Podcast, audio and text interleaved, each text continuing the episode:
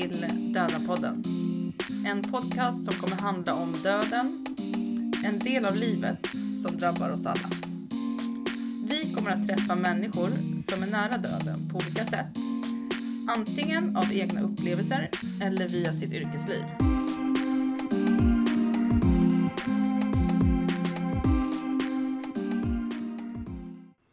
Ja, nu sitter vi en varm, nästan sommardag fast det är september och väntar på en gäst. Ja, vi ska träffa Karin från Rättsmedicinalverket. RMV.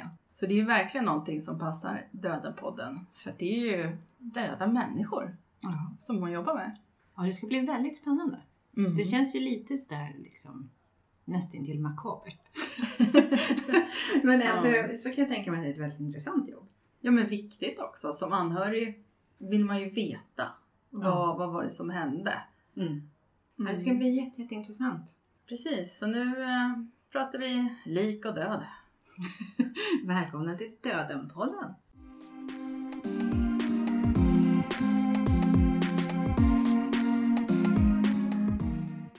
Okej! Hej Karin! Hej hej! Hej! Har du lust att presentera dig? Vem är du? Hej, jag heter Karin, fyller snart 40. Bor tillsammans med min sambo i Solna och eh, har två barn. Den ena på heltid, den andra på halvtid. Okej. Två döttrar, ja. Och eh, du jobbar på RMV. Ja, jag jobbar på rättsmedicin i Solna som assistent nu. Och har gjort, kan man säga, heltid tillsammans ungefär fem år. Mm. Är man sjuksköterska då? Nej, eller jag har pluggat en del till sjuksköterska men hoppade av det för att få jobba på rättsmedicin. Mm. Eh, på rättsmedicin så kan man vara undersköterska, man kan ju, det är en fördel att vara sjuksköterska också.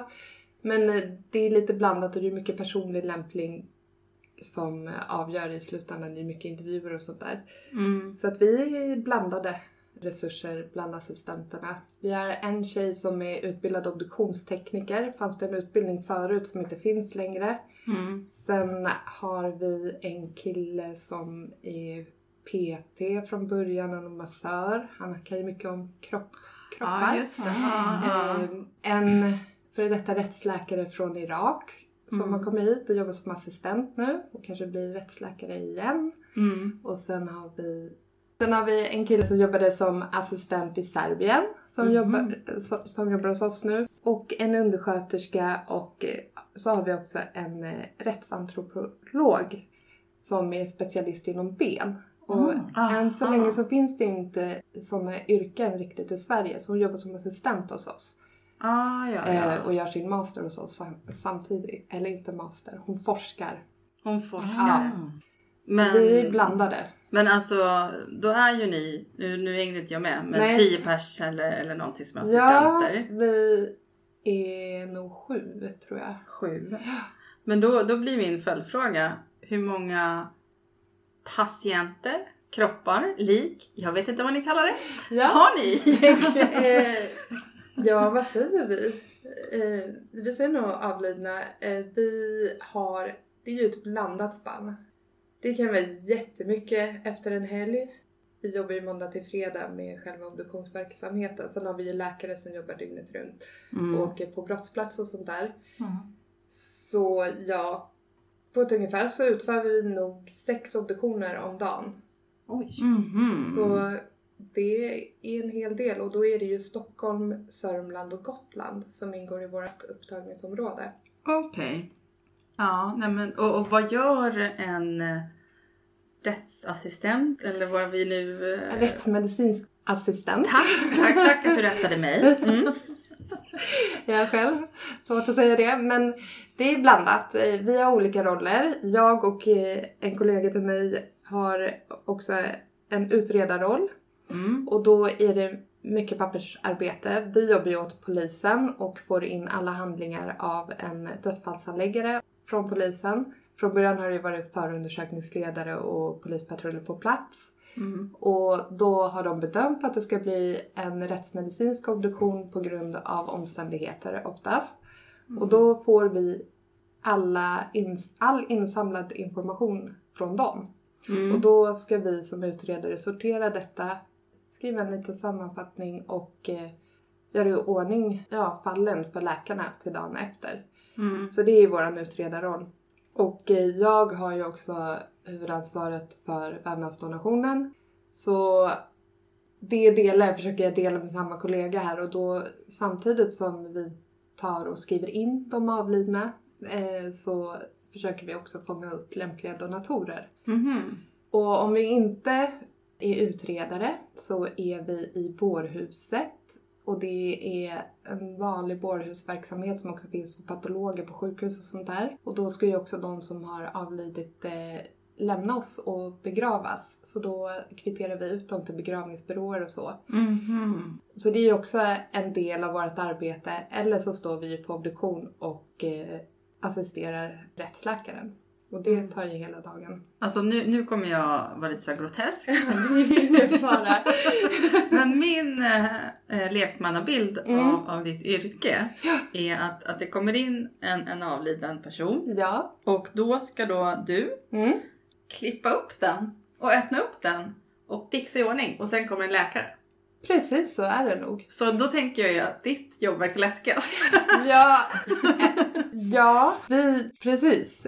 Jag har ju jobbat inom akutvård länge och strokevård och tagit hand om avlidna och räddat många också. Så steget från att göra det till att då klippa upp en person, det är ju rätt tufft. Och det är ju också fysiskt tungt Mm. eh, och tekniskt svårt till en början. Men eh, det är inte riktigt så att vi gör det innan läkaren kommer för läkaren, det är ju jätteviktigt på våra fall att de gör en yttre besiktning Ah, Okej. och dikterar alla yttre skador innan vi liksom rör någonting överhuvudtaget. Men sen är det precis så det går till och då, då sätter vi igång och öppnar upp och tar ut alla organen och ger dem till läkarna så att de får kolla igenom organ för organ och sånt som de är duktiga på. Så så är det. Och sen så när det är slut och vi har tagit alla prover och sånt som ska skickas iväg så återställer vi den avlidna och försöker göra den så fin som möjligt eh, inför anhöriga och begravningsbyråer och sådär. Mm. Ja men precis. Men, men hur... eh, Om, om det ligger då en avliden person Mm. så här. Ser du det som en, en människa? Eller har du någon strategi att liksom avskärma dig? Alltså det är en jätteviktig fråga för att i början så var det svårt och man eh, försökte liksom säga ja det här kunde ha varit vem som helst och det är ju vem som helst och sådär. Mm. Men man måste intala sig själv att det här är, är en arbetsuppgift, en, eh, en, en sak som vi måste ta oss igenom nu för att anhöriga och eh, kanske sjukvård eller vänner och familj ska få reda på vad som har gjort att den här personen har dött. Ja. Vad som gjorde att det blev som det blev. Är ju därför vi är där och med, med tiden så lär man sig att avskärma det där. Fast det kommer ju dagar när man är extra mottaglig Mm. det gör det ju i alla jobb eh, Mm. också. Och man kan tycka att eh, det är tungt i, i vissa fall.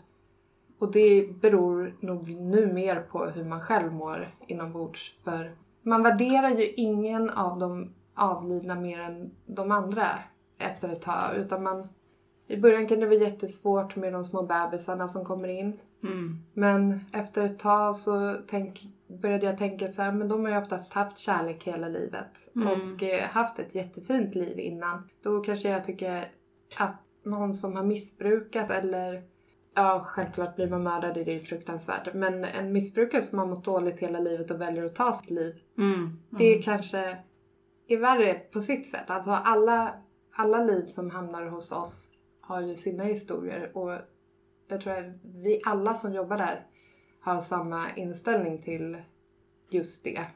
Mm.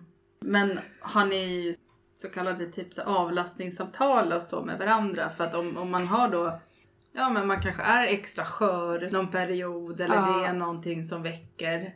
Alltså sådär. Ja, Det är precis det som du säger, att det kan väcka känslor i en som man inte är beredd på ibland. Och eh, vi har ju varandra, vi är väldigt tajta. Mm. Vi är en liten enhet men ändå störst i Sverige. Och vi är läkare, biomedicinare, vi är forskare, assistenter och sekreterare. Som, vi är ett tajt gäng liksom. Vi håller ihop och vi pratar om allt. Och vi har varandra och eh, det är skönt, man kommer ju varandra väldigt nära eh, på sådana här arbeten. Det är skönt Mm. att vi har varandra. Så det är där vi liksom finner, finner ja, styrka eller bekräftelse på att det vi gör är bra på något sätt. Men vad var det som gjorde att du valde att eh, arbeta med det här? Jag hade egentligen ingen aning om vad rättsmedicin var. Eller ja, jo, jag förstod ju att det pågick någonting med, med folk som avled under tråkiga omständigheter. Men en, en gammal kollega till mig blev eh, chef där och när jag pluggade till syrra så sa han Men kom hit och jobba i sommar då. Eh, Och då blev jag kvar. Jag hade svårt i början men då åkte jag ju med en, en vän till mig, en gammal kollega som sa så här "Äh, skärp dig nu, du är som gjord för det här. Och då skärpte jag mig. Mm. Det var nog bra att han sa det för annars hade jag nog kanske inte kommit tillbaka. Men var det som alltså från, från när du var ny och det Ja. var liksom kanske läskigt och man Mm. var väldigt känslosam på olika sätt. Ja. Vad är det som har hänt hos dig? Alltså din inställning, vad är, vad är det som har ändrat nu? Vad, eller vad har du... Jag tror att eh, jag tycker att jag har ett jätteviktigt och ett fantastiskt jobb. Och jag kan inte tänka mig att göra någonting annat nu. Och är det, hur ska man säga, jag respekterar mina kollegor jättemycket. Och eh, vi alla är, som är där är liksom till för att göra det här. Och ja, jag är liksom på ett sätt stolt över det vi gör för att vi, vi, hjälper, vi hjälper så många Mm. i slutändan. Ja men verkligen. Nej men vi pratar precis om det. Det är så himla viktigt som anhörig att få reda på. Ja, Vad är det som hände? Och det, det är jättefint. Nu har inte jag så mycket anhörigkontakt längre. När jag inom vården så hade jag ju det eh, Mm. när man satt och vakade och när folk avled i famnen på en. För då vill ju oftast anhöriga, då är man ju liksom den sista länken. Mm. Men eh, det kan ju ringa anhöriga och fråga efter assistenten och tacka för att man har gjort dennes barn så fin eller min mamma var så himla fin och det betyder ju jättemycket Ja. gångerna. Mm. Ja, annars så är det ju oftast läkarkontakt för det är mycket medicinskt som anhöriga har. Mm. Eh, men det får man ju tillbaka nu ofta. Mm. Ja men det är Mm. jättefint faktiskt. Vad är det som du tycker är det roligaste med, med ditt jobb? Som ger mig mycket tillbaka i allt elände och allt sorgligt Mm. det är ju just det här med donation. Mm. Vi har ju den här möjligheten att ta tillvara på vävnad från avlidna ända upp till 48 timmar efter att någon har avlidit så kan man ta hand om hjärtklaffar, hornhinnor och hud och eh, forskningsmaterial. Mm. Och det är fint när man ringer till anhöriga som tackar en för att ringer man till någon som har haft ett barn som har mått dåligt och barnet själv har uttryckt att den vill donera och det kollar ju vi också i donationsregistret innan vi ringer och sånt så att vi har allt klart och vi måste ju få godkänt av läkare och polis och sånt innan. Mm. Det, kan, det blir en fin relation och man känner att ur det här, och de brukar också känna att ur det här så kommer det något fint och kanske de här hjärtklaffarna går ju till barnen med medfödda hjärtfel nere i Lund. Mm. Tar de hand om dem och opererar och fixar och donar. Så Mm. det kan komma till mycket hjälp. Och det tror jag är det jag brinner, brinner lite extra för. Och det är ju också för att det är mitt ansvarsområde som, Mm. som det ger mig så mycket. Mm. Men ni ansvarar ju också för organdonation eller är det liksom innan de kommer till er? Det är precis innan. Ja. Har de donerat organ på KS oftast så har vi ett samarbete med dem. Mm. Så då hör de av sig och säger så här, nu har vi pratat och vi har tagit hand De måste ju också naturligtvis få godkänt av polis och våra rättsläkare. Nu har vi tagit hand om de här organen, si och så. Och då brukar vi oftast kunna få ta tillvara på hornhinnorna. Så Mm. då är allting redan klart. Så det är också ett jättebra samarbete. Men eh, hos er, är det så att det är onaturliga rätts eh, Ja. eller eh, dödsfall som kommer till er? Precis. Det, det ska handla om ett onaturligt dödsfall som inte kan förklaras medicinskt. Och kommer i och för sig också sådana lex Maria-anmälningar. Eh, Okej. om de misstänker att någon har vårdats fel Mm. så kommer de också till oss. För, för då, kan, då misstänks det ju också ett brott. Då. Mm. Så länge det misstänks brott eller är någonting onaturligt, då ska de komma till oss. Men är det Alltså misstänkt brott, alltså typ mord och dråp och så, Ja. eller självmord. Alla eh, självmord kommer ju ta oss. Oavsett vad det handlar om för typ av självmord. Men sen så i det stora hela så måste man ju utesluta att ingen annan har gjort det Mm. Ja, just också. det. Så att det blir ju liksom ett moment där man ska nästan styrka att det är ett självmord Mm. och ta, hitta bevis på att ingen annan har gjort det. Så att det ju, handlar ju hela tiden om att utesluta brott. Mm. Men alltså i min, i min hjärna, om jag, Ja. liksom, när, när du nämner bårhus, Ja. då, då ser jag ju framför mig massa äldre, alltså från äldreboende Ja. eller så. Men när du förklarar ditt jobb, Mm. då tänker jag ju med att det måste vara yngre, eller ju medelålders eller vad man ska Det är säga. ju i alla åldrar. Ja. Eh, vi, vi har ju som sagt plötslig spädbarnsdöd Mm. och upp till, eh, alltså man kan ju vara hundra när man tar livet av sig. Mm. Så det är ju just hela det. spannet. Och är det någon som trillar olyckligt utomhus så måste man ju utreda det ibland också om inte någon har sett det fallet och så. Mm. Så att det är väldigt brett. Men eh, om jag ska uppskatta själv utan att Mm. ha klara siffror så Ja. är nog medelåldern 40-50. Mm. eh, 60 kanske. Där kring. Det är nog de vi får in mest.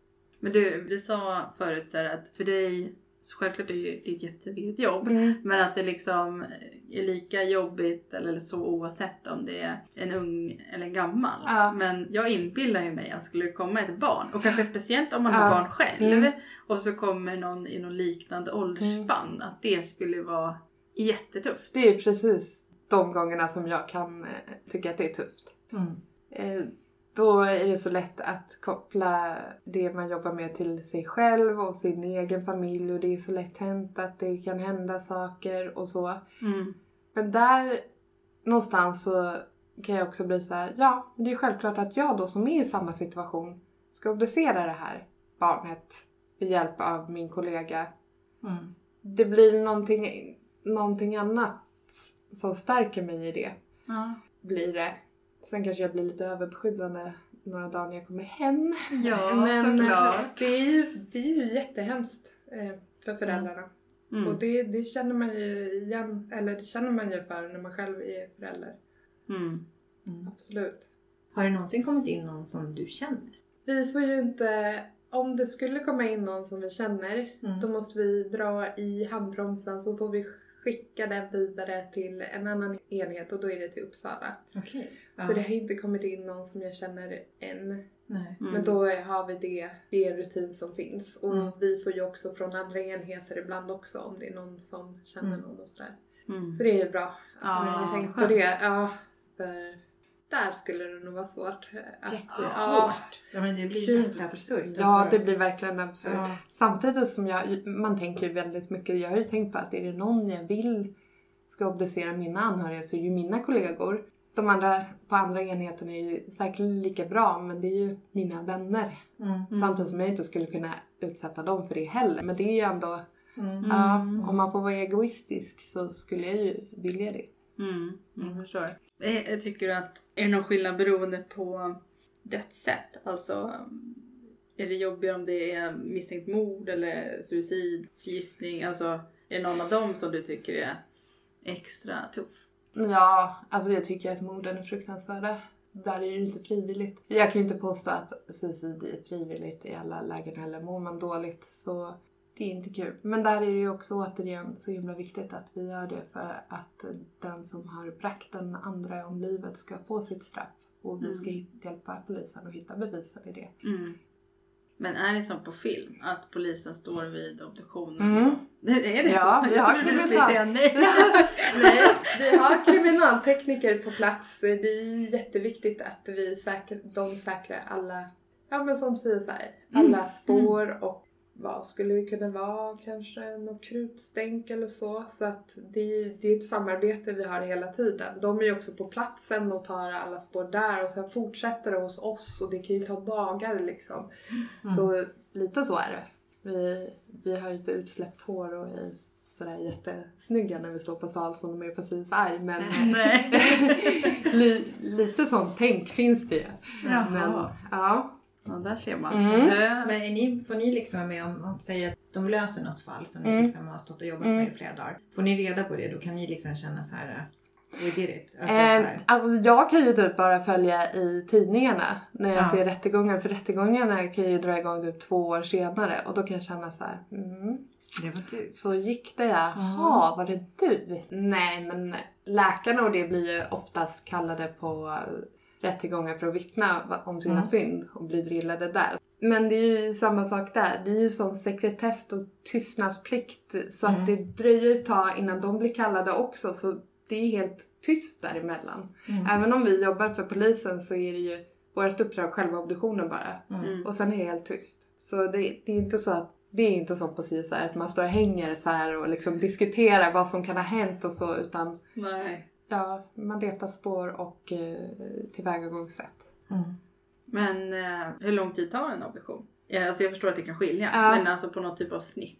Oj. Är det en dag, eller en vecka, tre veckor? Ehm, nej, vi försöker ju som sagt hinna sex fall på en dag på tre bord och då brukar vi vara färdiga kanske halv ett, ett. Mm. Och vi drar igång halv åtta. Mm. Eh, och, och det varierar ju jättemycket såklart. Vi får ju också in sådana som har legat jätte, jättelänge så att det nästan bara är skelett. Och det kan ju ta tid på andra sätt. Och då har vi ju både polisen som kan det här med ben och så våran kollega som får se vad det är för ben och så. Ja, det, det. kan inte vi alla. Nej. Läkarna har ju mer koll än vi assistenter men det tycker jag är, är nog det svåraste. Mm. Men är inte det väldigt, alltså om man får säga, äckligt? Att få in någon som är väldigt senfruttnelse. Alltså man tänker larver och... Ja, det, det tycker nog många. Men där är också en, en period när man vänjer sig. Mm. Det, det som är tråkigt med de fallen, Mm. det är ju att det är så svårt att se vad som har skett. Och jag kan säga att jag reagerar inte på det längre. Jag tror ingen av oss gör det. Det, det kan vara när vi får nya semestervikarier och sånt som i början så kommer man ihåg det här när man inte klarade av lukten riktigt Mm. utan man var tvungen att gå och hämta lite luft. Och det, det förstår jag också för våra kroppar reagerar ju på lukter naturligt. Alltså Mm. luktar någonting inte okej, då reagerar man ju. Ja. Eh, men sen så tvingar man ju kroppen att vänja sig vid det så nu är man ju van. Mm. Det är ju också märkligt men det är så det är. ja, för det har man ju hört att det ska lukta väldigt Mm. illa. Men Ja. du är ju liksom van med det. Ja, jag, jag kan inte känna det alls på samma sätt längre. Nej. Och jag pratade med en av våra rättsläkare om det där och hon sa så här, ja men det är ju samma sak när du tar på dig parfym på morgonen. Mitt, och i mitten av dagen så tror du ju inte att du luktar parfym längre för att du har vant dig. Ja. Och det kan ju ligga någonting i det. Mm. Mm. Men, men du säger liksom att man vänjer sig även med så här kroppar som är legat länge så att säga. Men händer det ofta? För jag tänkte att folk inte blir bortglömda. Så ofta. Mm, Naivt. eh, Naivt från mig då. Det var ju ett uppvaknande när man började jobba på rättsmedicin att det är ju faktiskt en del som ligger ensamma. Mm. Eh, en hel del. Mhm. Och eh, vissa har ju försvunnit frivilligt och vissa har ju gått och gömt sig liksom. Eh, eller hamnat någonstans där ingen har hittat dem. Men sen är det ju sådana, jag vet att ni såg, har ni sett den där dokumentären om mannen som låg tre år? Ja. Ja, Mm, Men precis, i på söder, eller det var han var typ jugoslav eller jag kommer inte Exakt. ihåg. Mm. Ja, jag Och såg det, det. det, är ju, det är ju så ibland. Mm. Kanske inte tre år varje gång. Men folk är ju duktiga på att betala med autogiro och gått i pension och liksom Mm. har ju pengar så att det dras och dras och dras. Och sen så är det på Stockholm så att man sköter sig själv. Mm. Jag hade ju en som, när jag, jag bodde i Sundbyberg förut. Ja, Det var ju en i mitt hus som låg. Han låg i tre månader. ja men du ser. Men det är också sådär, man bor liksom, det är åtta våningar i Ja, huset. De flesta tar hissen, man vet inte vilka som bor på de Nej. andra våningarna för man Nej. ser inte dem. Nej, Eftersom man aldrig... jag tänker att det är lätt hänt. Jättelätt. Jag tror man skulle kanske reagera var någon på samma Ja. våning. För då de hör man ändå och ser liksom. Ja. Då får man ett visst rörelsemönster liksom. någon gång ja. På våningsplanet. Men de som bor två trappor ner har man ingen aning om. Nej. Det känns ju jättetragiskt. Ja Ja. men det är jättetragiskt. Jag tror att det är viktigt att man så här, också lyfter det och så här, har lite koll. ja men våga. Ja, Ja. Men exakt. Våga säga hej.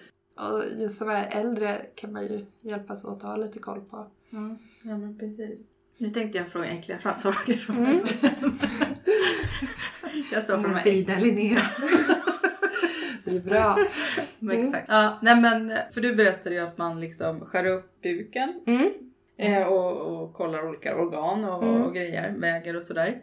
Skär man upp huvudet, ben, armar? Eller har man liksom... Ja, huvudet, tar, man måste ju också kontrollera våran hjärna, så det gör man. Mhm. Eh, det kan ju ha hänt någonting där också. Och är det någon misstanke om en propp i benet Mm. så får man eh, också försöka dissekera fram den proppen för då skulle den ha kunnat lett till en propp i lungan och så. Mm. Eh, det beror på från fall till fall. Är det ett brutet ben vill vissa att man kollar närmare på det. Mm. Eh, nu har vi ju också införskaffat en CT-maskin i Mhm. Solna och röntgar alla avlidna. Och där ser vi också skador men det utesluter ju inte att man eh, skär upp och tittar på dem ändå. Mhm. Okej. Men sen antar jag att man också på något sätt, ja, om någon, alltså om det är så att någon har blivit misstänkt våldtagen och mördad, då får man Ja. väl också titta liksom. Absolut, Mm. det är ju jätteviktigt de gångerna. Eh, och då är polisen också med. För då ska de ju få proverna på en gång så att det inte kontamineras och sådär. Mm, Så det, det gör mig också. Mm. Alltså på ett sätt låter det ju jätteläskigt och på ett Mm. sätt låter det så här spännande. Typ. Mm. Tänk att se en massa hjärnor. Mm. Men jag tänker också så här, de här kända liksom, fallen som har varit så här. För Mm. Stockholm är ju rätt stort. Mm. Mm. Har ni hela liksom Stockholms län, Mm. alltså region Stockholm är liksom... Ja, och så, då tänker Stockholm, man så här, Sörmland, Gotland. ja, men typ Kapten Klänning liksom. Han slog och för sig inte ihjäl Men, men Ja, man tänker liksom på de här precis. liksom, kända morden inom citationstecken Ja. som har varit. Så tänker man så här, kul. Ja. Och då får ni liksom hjälpa till. Ja. Och liksom, Ja men Absolut. alltså till exempel den här, eh, det var ju nära här, vad heter hon? Blev misshandlad till döds av sin dåvarande pojkvän. Men gud jag har ju namnet i huvudet. ja, ja. Hon den där ljushåriga tjejen. Mm. Ja, precis. Eh, för han blev väl dömd i Solna va? Mm.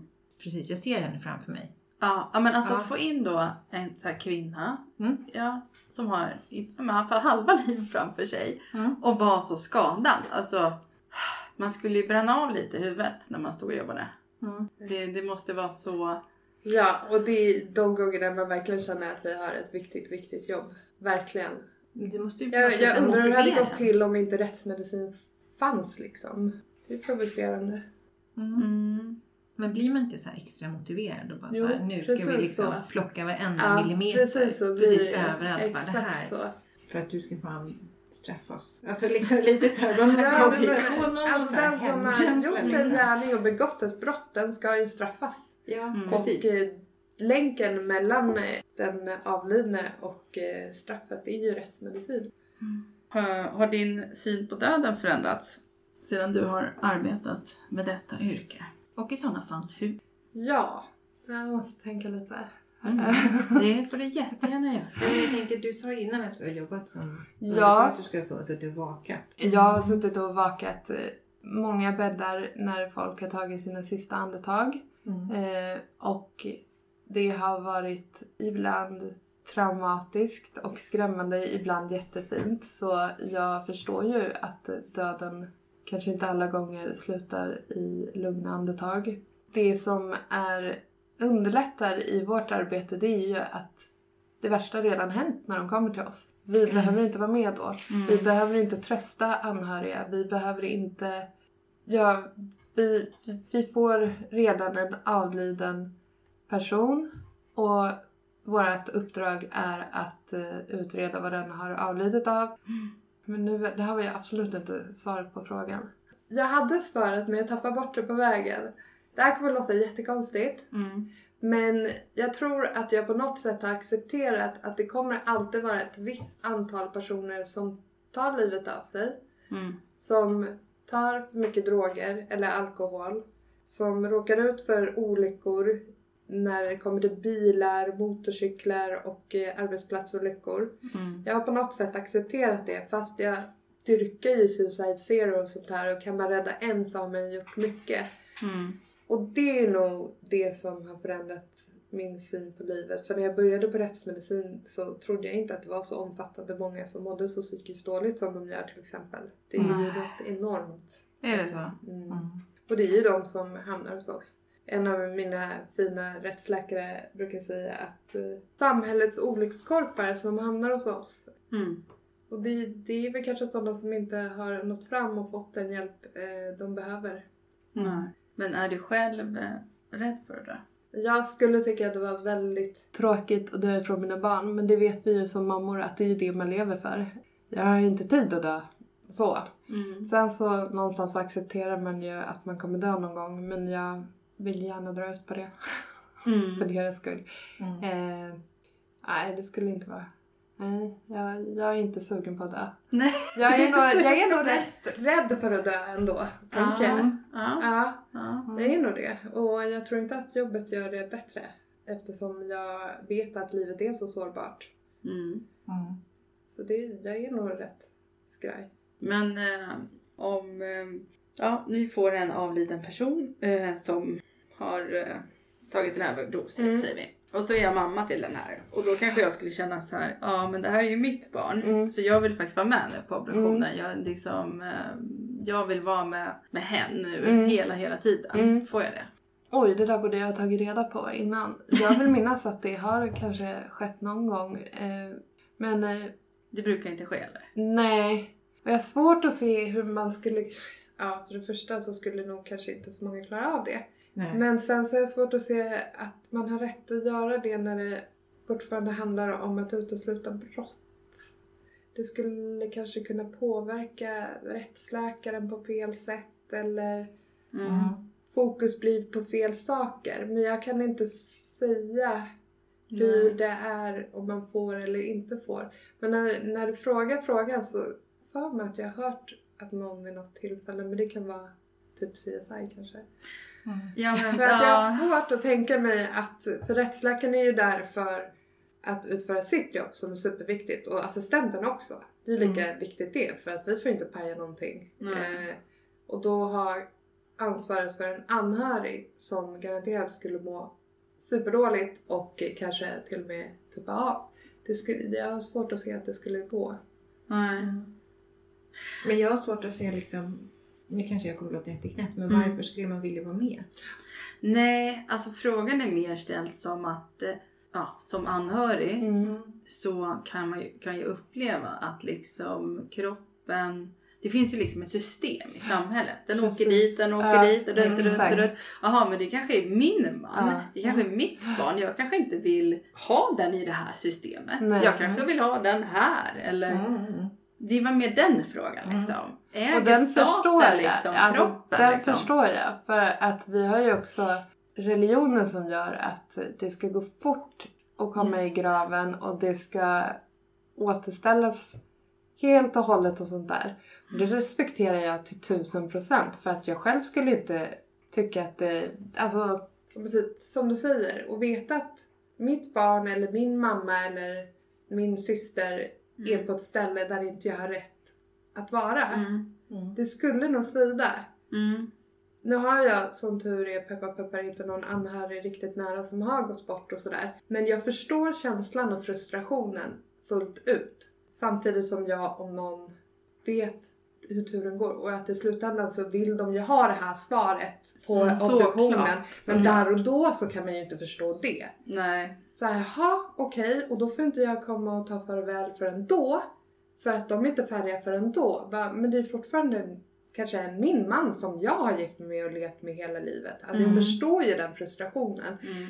Samtidigt som det är ju jätteviktigt det vi gör. Men ja. Ja men precis. Mm. Ja, men det är intressant för jag förstår ju också att Ja. man liksom inte vill släppa Ja. taget. Mm. Men samtidigt så kan jag också förstå så här att om jag skulle stå liksom och kräkas Ja. skulle jag bara störa mer än Ja. någonting annat. Liksom. Och då förstör jag ju liksom i slutändan för ja mig men själv. precis, det är För så, jag vill ju ändå jag, veta vad som har hänt. jag tänker Mm. också. Och då ska jag stå där Mm. och grina och svimma och spy Mm. och liksom kissa på mig och Mm, liksom allt som mm. händer. När Ja men det liksom, är precis så. Ja, då, då liksom sabbar jag Ja. kanske mer Ja. än någonting annat. Ja men troligtvis gör man ju det. Ja. Men sen är man väl inte särskilt rationell liksom, i den här chocken och sorgen heller. Mm, nej Så det, att- det tror jag faktiskt inte. Nej, jag tror inte ens jag skulle vara det. Eller egna erfarenheter. Ja. Jag vet. Ja.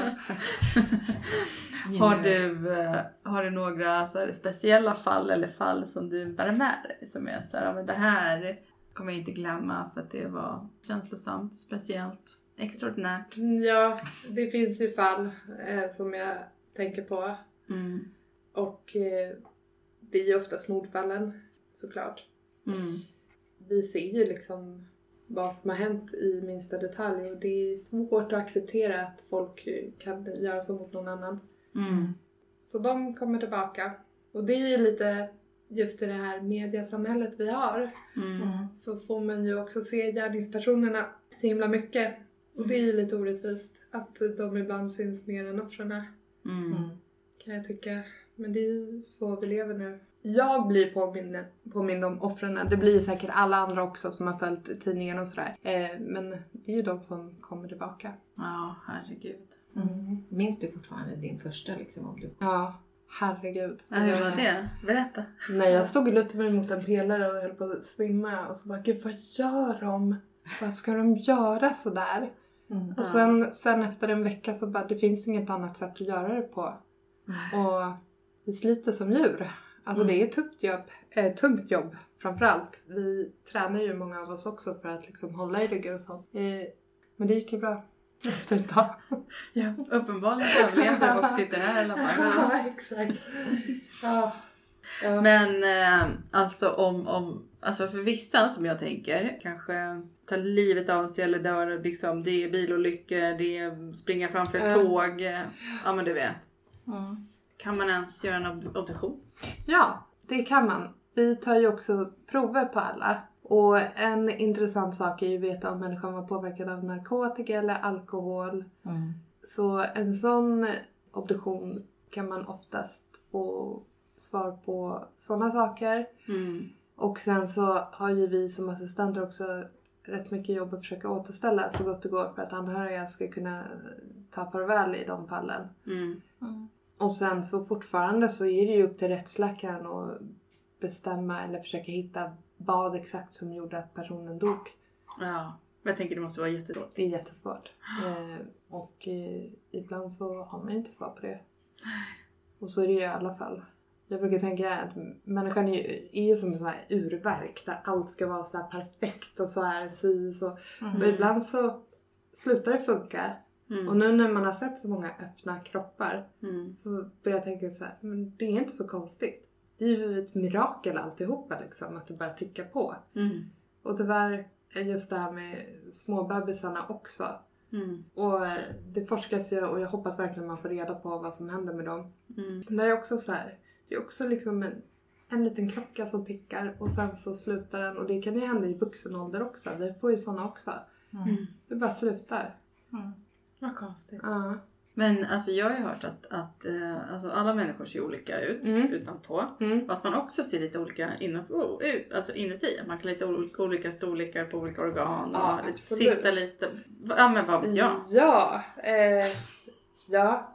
En av våra rättsläkare har intervjuats och sagt någonting om att eh, det är som att öppna ett, öppna ett Kinderägg. Hon liknade det så. Jaha. Eh, ja, och det kan jag på ett sätt hålla med om. Alla är ju jätteolika. Vissa kan ju ha hästskoljure eller vad det heter och det, det kan skifta på tarmens längd och hjärtat. Ja, det finns ju ingen som är den andra lik. Och läkaren väger ju alla organen också. Mm. Mm. Allt vägs. Och det där är ju svårt när man är ny och ska försöka ta ut organen och man tror att det ska bli lika för alla. Så Ja. bara, nej! Men sen så lär man sig ju. ja. Mm.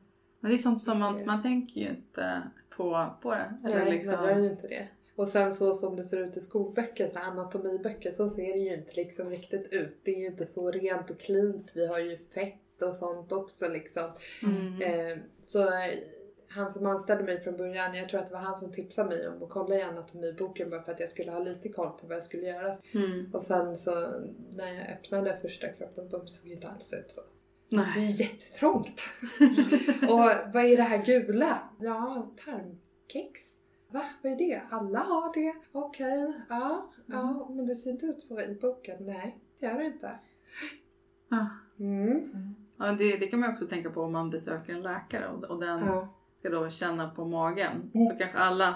Ja, jag kan tänka mig att det är en utmaning för dem. Alltså, Ja, absolut. tänker jag på även när man är levande säger ont i ja, magen. De ja. bara, Ja. åh, vad, vad skojsigt. Ja. Precis, det är därför man veta lite mer exakt var. Sen bara, fast det spelar ingen roll. Ja, precis. Vad kan det Ja. vara som ligger här idag? Ja. Vi... Öppna Kinderägget och kolla. Ja, men precis. Det är bra att jag, jag har citerat henne så många gånger nu, vår läkare. Men hon säger så roliga saker. Ja. Ja, vad är roligt. Mm. Mm. Ja, ja Men tack säkert. så jättemycket. Tack själva. Ja, Det var jättekul tack. att komma hit. Ja. Roligt. Ja.